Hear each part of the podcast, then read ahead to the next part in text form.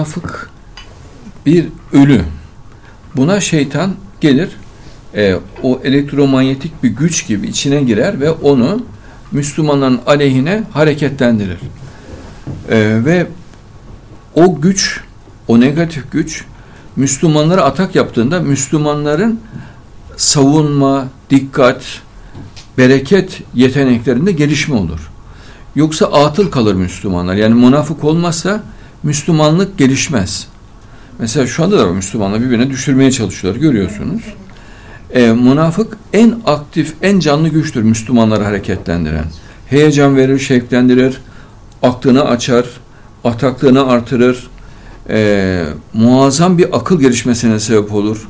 Tebliğ mükemmelleşir. Birliktelik ve ittifak çok artar. Yani bölünme ihtimali ortadan kalkar. Müslümanların birbirine olan husumeti ortadan kalkar. Evet, çünkü dış bir saldırı olduğu için Müslümanların içinde de insandır tabi. Husumet olabilir. Bunları tamamen ortadan kaldırır. Kilitlenip toplu, aktif, güzel hareket etmelerini sağlar. Mesela Resulullah devrinde öyleydi. Münafıkların çok büyük e, faydası oldu. Müslümanların birlikte hareket etmelerinde, Peygamberimizin etrafında kilitlenmelerinde çok büyük faydası oldu. Onlarla yapılan e, mücadele, münafıklarla yapılan mücadele Müslümanların şevkinin, heyecanının ayyuka çıkmasına sebep oldu. Yoksa Müslümanlarda gevşeme oluyordu. Mesela zafer sarhoşluğu oluyordu. Ama münafık ataklarıyla Müslümanlar e, çok çok dakik, dikkatli, atak, yaman ve cesur hale geldiler.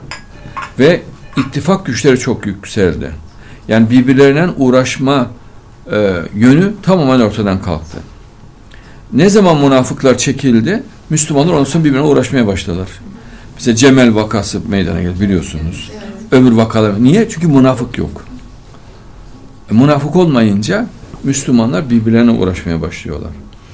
Onun için münafığı Allah göndererek e, Müslüman ittifakını, Müslüman şevkini e, artırır, uyanı uyandırır, atakta olmayanı atak hale getirir, e, İslam'ın hakimiyetini Allah böylece hızlandırır. Yani müthiş bir kamçı etkisi vardır münafıkların. Çok önemlidir. Bereketin artmasına neden olur, zenginliğin artmasına neden olur münafık. Her türlü mücadelede, başarıda e, adeta benzin etkisi yapar. Müslümanın şevkini artırmada.